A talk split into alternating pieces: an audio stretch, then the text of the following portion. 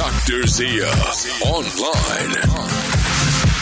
Salam dostlar. Nəhayət ki, Doktor Ziya onlayn növbəti podkastı ə, hal-hazırda yazılır. Burada daha çox sərbəst adam özünü hiss edir. Çərçivə filan yoxdur və istənilən məsələ haqqında, istənilən mövzu barədə xeyli söhbətləşmək olar. Nə görə mən indi danışacağım mövzu ilə bağlı səsli yazı edirəm, video yox. İstəmirəm ki, siz videoya baxarkən yalnız mənim simamı görərkən burnumun ölçüsündən, gözlərimin altındakı ləkələrdən, içki içirəmmi, siqaret çəkirəmmi suallarını verməyəsiniz. Diqqətiniz yayılmasın və bu cür yersiz məsələlərə gəlin diqqət yetirməyək. Özəl şəxsi həyatım barədə əgər o qədər sizə çox maraqlı gəlirsə, ayrıca söhbətləşərək, ayrıca suallarınızı cavablandıraram. Nəyi doğru və lazımlı bilsəm. Ona görə istəyirəm ki, eşidəsiniz. Dinləyib dediklərimi eşidəsiniz fikir verəsiniz. Və mətnlərə də keçəcəm. Hamısı bunları Telegram kanalımda, Doktor İzzət Telegram kanalımda yerləşdirəcəm. Artıq ya bu yazını oradan dinləyirsiniz, ya da iPhone istifadəçiləri Apple Podcast-dan, Android-lə işləyən smartfon sahibləri Google Podcast-dan və ya ümumiyyətlə soundcloud.com saytına girib Doktor Ziya kanalını tapıb oradan da dinləyirsiniz. Məsələ bunda deyil. Dr. Zia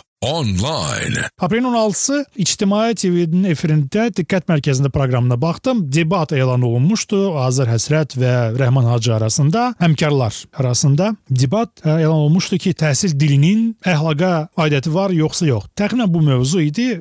Videonun YouTube yazısını mən bu yazının altında, səs yazımın, podkastımın altında yerləşdirərəm. Vaxtınız olsa Telegramın içində elə heç bir yerə yönləndirilmədən rahatlıqla baxa bilərsiniz. Deməli birincisi debat alınmadı. Bu buna debat adlandırmazlar. Çünki müxtəlif nöqtələrdə müzakirələrin müxtəlif dəqiqəsində, anında tərəflər bir-birinə razılaşırdı. Bu məndə digər təəssürat yaratdı. Yalnız bu təəssüratdır. Açığı ki, hansı dildə təhsil almağının əxlaqa aidiyyəti olub-olması məsələsi birinci dəfə deyil ki, ortaya atılır. Azərbaycan sektoru və Rus sektoru arasında bu xoşagəlməz münasibətləri sanki şişirtmək üçün bu birinci və düşünürəm ki, əndişəliyəm ki, sonuncu hal deyil. Rəhman Hacı çox doğru çağırırdı ki, gəlin birləşək, gəlin yekdil olaq. Bu bizim ölkəmizdə, Azərbaycanda, cəmiyyətimizdə inkişaf etməliyik. Ona görə bu cür mövzuların yeri yoxdur. Hiss edirəm, düşünürəm, bəlkə də yanılıram, amma mənə belə gəlir ki, mövzu, həmin bu mövzu, sırf bu mövzu yenidən ortaya atılıb ki, digər aktual və doğrudan da gündəmi zəbt etməli olan məsələlər kənarda qalsın, örtbasdır edilsin. Rəhman Hacı da bunu hiss edib vətəndaş mövqeyindən çıxış etmək istəyərkən bu sözlərdən istifadə eləyib, əhsən ona ki, gəlin bu mövzuları müzakirə etməyək. Bu belə, bu bu təəssüratım barədə. İndi birbaşa məsələ doğrudanmı təhsil əxlaqa təsir edir? İki tərəfdən yanaşma olar. Dilin, əlbəttə ki, hansı dildə almağının əxlaqa heç bir təsiri yoxdur. Sadəcə dillərin sayının dünya görüşünə, biliyə, savada, inkişafa birbaşa təsiri var. Və bu da tərəflərin Azər Əsrətlə Rəhman Hacının debat, dırnaqarası debat adlandırdığımız məsələ çərçivəsində razılaşdığı daha bir nöqtə idi ki, nə qədər çox dil bilsək, bir o qədər də yaxşıdır. Amma örtbasdır edilən problem bir neçə gün cəmi bundan əvvəl 14 yaşlı qızın intihar etməsi barədə ictimaiyyət gərgin, qızğın müzakirələr aparırdı sosial şəbəkələrdə. Mən bilmirəm telekanalların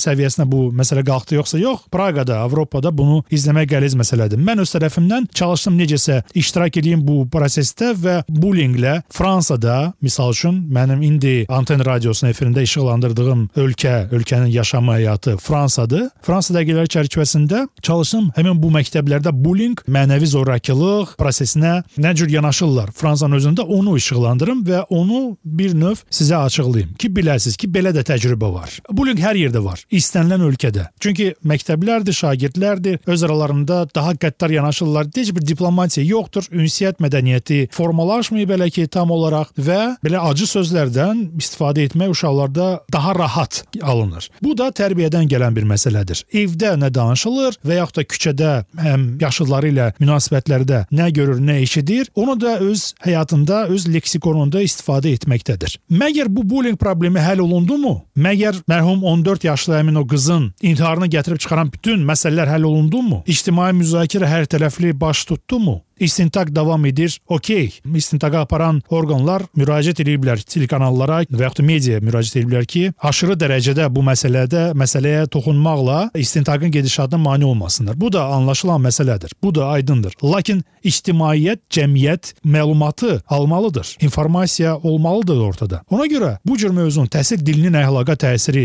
məsələsinin ortaya atılmasını mən belə təəssürat yaranır yenidən təkrarlayım məndə. Mən çox təəccüblə qarşıladım. Digər tərəfdən də heç də təəccüblənməyə sən demə əsas yox imiş. Kimlərəsə lazımdır ki, həmin bu bullying, mənəvi zorakılıq problemi cəmiyyətdə müzakirə edilməsin. Əfsuslar. Qayıdıram yenidən Rəhman Hacının xahişinə ki, gəlin həmin bu təhsil dilinin əxlaqa təsiri məsələsini müzakirə etməyək. Bizim müzakirə edəcəsi digər problemlərimiz var. Tam tam doğru deyir Rəhman Hacı. Və birlikdə cəmiyyət olaraq birlikdə bir çox məsələlərə həm baxaq, həm həll edək, həm də müzakirə edək. Hərçənd təhsil dili doğrudan da müzakirə ediləsi bir məqamdır. İnkişaf nöqteyi-nəzərdən cəmiyyətin və müvafiq olaraq ölkənin hər bir yurtdaş bu prosesdə öz mövqeyini bildirməlidir. Və mən də öz mövqeyimə sahib olan vətəndaşam. Nədir həmin bu mövqe? İndi Azər həsrətlə razılaşacağam ki, bir çox dili məktəblərdə tədris etmək lazımdır, mütləqdir. Sadəcə geosiyasi reallıq var. Əgər rus dilinin azaldılmasına kəskin şəkildə Azərbaycan təhsil sistemi getsə, bizim şimali qonşumuz var, Rusiya. Və Rusiya bunu heç də normal qəbul etməyəcək. Hay-haray qalxacaq ki,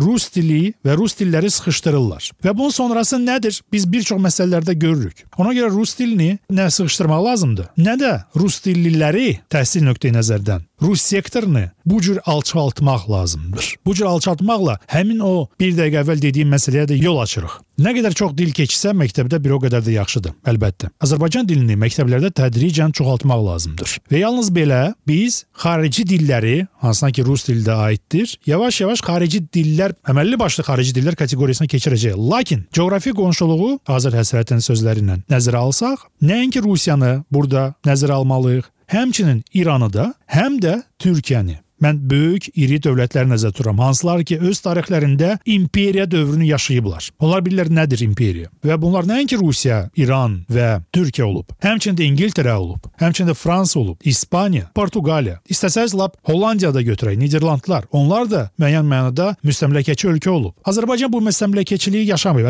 Azərbaycan siyasi nöqtedən müstəmləkə olub. Rusiya imperiyası çərçivəsindən çıxandan sonra Azərbaycan müstəqilliyi qazanır, onu da tez bir zamanda itirir. Sovetlər tərk tərkibində həyatını davam edir və indi də yenidən növbəti müstəqilliyini yaşayır. Və bu müstəqilliyini istənilən halda, istənilən güclə, hər bir vəclə qorumaq lazımdır. İtirmək olmaz. Bu itirməmək üçün əlbəttə öz dilini bilmək lazımdır. Əlbəttə ki, xarici dilləri də bilmək lazımdır. Və yenə təkrarlayım, nə qədər biz çox xarici dil bilsək, bir o qədər də yaxşıdır. Nə qədər bizim övladlarımız xarici dil bilsək, bilsə bir o qədər də yaxşıdır. Və burada söhbət nəinki rus və ingilis dillərindən gedir. Mən olsaydım, fərz eləyək, düzdür bu baş verən deyil, amma fərz eləyək ki, mən təhsil naziriyəm. Mənim proqramımda işlər planı planımda bu məqsəd olacaq ki, məktəblərdə əlbəttə ki, bütün fənlər Azərbaycanca tədris olunur. Sadəcə çox güclü rejimdə digər dillər də tədris olunur. Bu indiki zamanənin tələbidir. İndi tamamilə başqa bir fənlər tədris olunmalıdır və tamamilə başqa bir tədris materiallarında, başqa bir dərsliklər üzərindən tədris olunmalıdır. Azərbaycanda nəinki Azərbaycan dili hər tərəfli, xarici dillər özü də gücləndirilmiş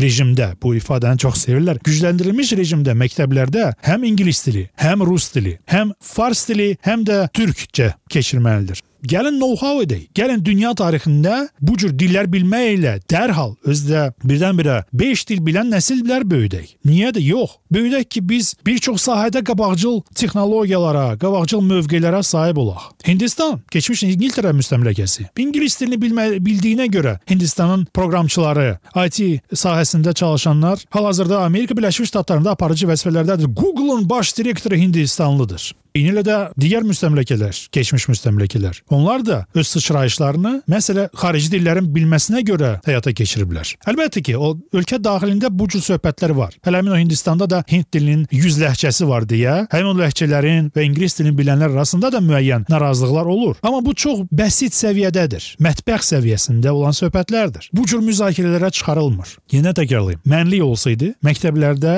ən azı 4 xarici dilin keçirilməsi, ən azı 2 götürək yaxşı rusca və ingiliscə keçirməsini təmin edərdim. Azərbaycan dili özü özlüyündə türk dilinə, Anadolu türkçəsinə yaxın olduğuna görə bəlkə bu da kifayətdir. Fars dilini isə istəklə keçərdim. Çünki baxmayın, o da qonşumuzdur. İran ərazisində Azərbaycan vilayəti var. Həmin o vilayətdə Təbrizdə, Ərdəbildə, orada yaşayanlar nəinki Azərbaycanca danışırlar, Azərbaycan türkçəsində, həm də çox gözəl farsça bilirlər. Və onlar da bir dünyaya Fikir verin, xaricdə ən böyük uğur qazanan Azərbaycanlılar hardandır? Əksəriyyəti Təbrizdən, əksəriyyəti Ərdəbildən, Yəni İran Azərbaycandandır. Nəyə görə? Çünki onlar həm farsça da bilirlər, həm Azərbaycanca, yəni bu çox dilliliyə meyllik onlarda var. İngiliscə də öyrənirlər, üstündən gedirlər lazım olan vəzifələri tuturlar və lazım olan şirkətlərdə istədikləri işlərlə məşğul olurlar. Bu var. Əxlaqı, tərbiyəni həmin bu təhsil dilinə gəlin qatmayaq. O ondan asılı deyil. Dünya görüşü çoxdillikdən bəli asılıdır. Tolerantlıq, dözümlülük bunlar çoxdillikdən asılıdır. Bəli. Nə qədər çox dil bilsək, bir o qədər də insan oluruq. Yəni hər, hər bir millətin nümayəndəsi olaraq, öz dilin daşıyıcısı olaraq biz həmin o dillərin təbii daşıyıcılarını yavaş-yavaş anlamağa başlayırıq. Onlar da söhbət edə bilirlər. Onların nədəsə səhv olduğunu inandıra bilərik onların dilində. Amma Azərbaycanca da bilməliyik. Sadəcə müasir Azərbaycancadan söhbət gedir. Bilirsiniz, keçmişi bilmək lazımdır, amma dil canlı orqanizm, cəmiyyətin canlı orqanizmi dildir və bu dili yetişdirmək lazımdır. Bu dili genişləndirmək lazımdır. Bu dili zənginləşdirmək lazımdır və bu dilə yeni sözlərin əlavəsindən də çəkinməsinlər bizim dilçi alimlərimiz, ictimai fiqurlarımız. Bu qədər. Bu çoxdilli olaq olmayaq məsələsinin mövzusunun müzakirəsidir. Təhsil dilinin əxlaqa təsiri müzakirəsi deyil və cəmiyyətimizin xeyli başqa digər problemləri var. Hanslardan ki, cəmiyyət nöqteyi-nəzərdən, cəmiyyətdə müzakirə nöqteyi-nəzərdən, ictimai TV-də, çünki adı ictimaidir, müzakirə etmək lazımdır. Çox heyf ki, mən o an Bakıda deyildim və çox heyf ki, məni dəvət etmədilər studiyamın o müzakirəyə. Bəlkə də, də lazım bilmədilər. Okey, öz işləridir. Buna görə heç kim inciyən deyil və mənim də danışmağa, öz ürəyimi boşaltmağa kanalı da var. Öz kanalım Telegramda Doktor Ziya və digər media daşıyıcılarda. Hörmətli valideynlər,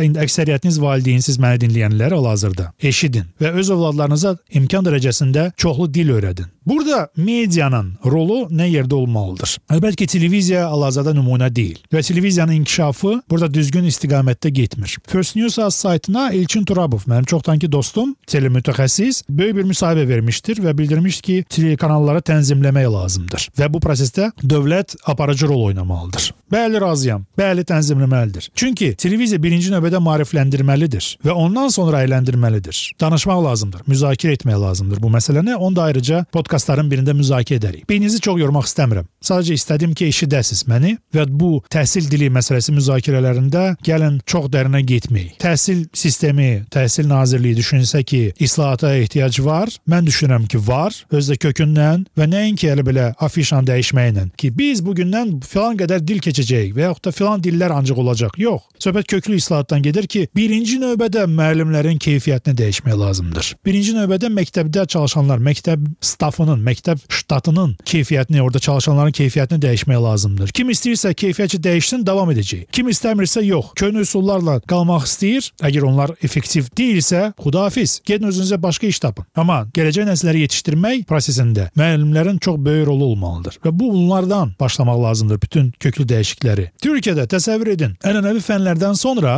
gələn xarici dillər arasında ən çox müəllim ingilis dili müəllimidir. Sayına görə. Yəni götürsək coğrafiya, cəbr, riyaziyyat, biologiya və s. bu ana dili, bu fənləri, ənənəvi fənləri götürüb kənara qoysaq, birinci yerdə müəllimlərin sayına görə ingilis dili müəllimi dayanır. Buna baxmayaraq, keyfiyyət o qədər aşağıdır ki, Türkiyə əhalisinin ingiliscə danışmaq səviyyəsi də çox aşağıdır və ona görə hal-hazırda Türkiyə cəmiyyəti ilişib qalıb. Mən istəməzdim ki, nəticə etibarilə bizdə də onsuz da bənzərlik var, amma istəmirəm nəticə etibarilə bizdə belə qalsın. Belə bir sadəcə fikir gəldi. Çox xahiş edirəm birbaşa başa düşün. Dili öyrənmək lazımdır, vurmaq deyil. Sağ-salamat qalın, uğurlar hamınıza.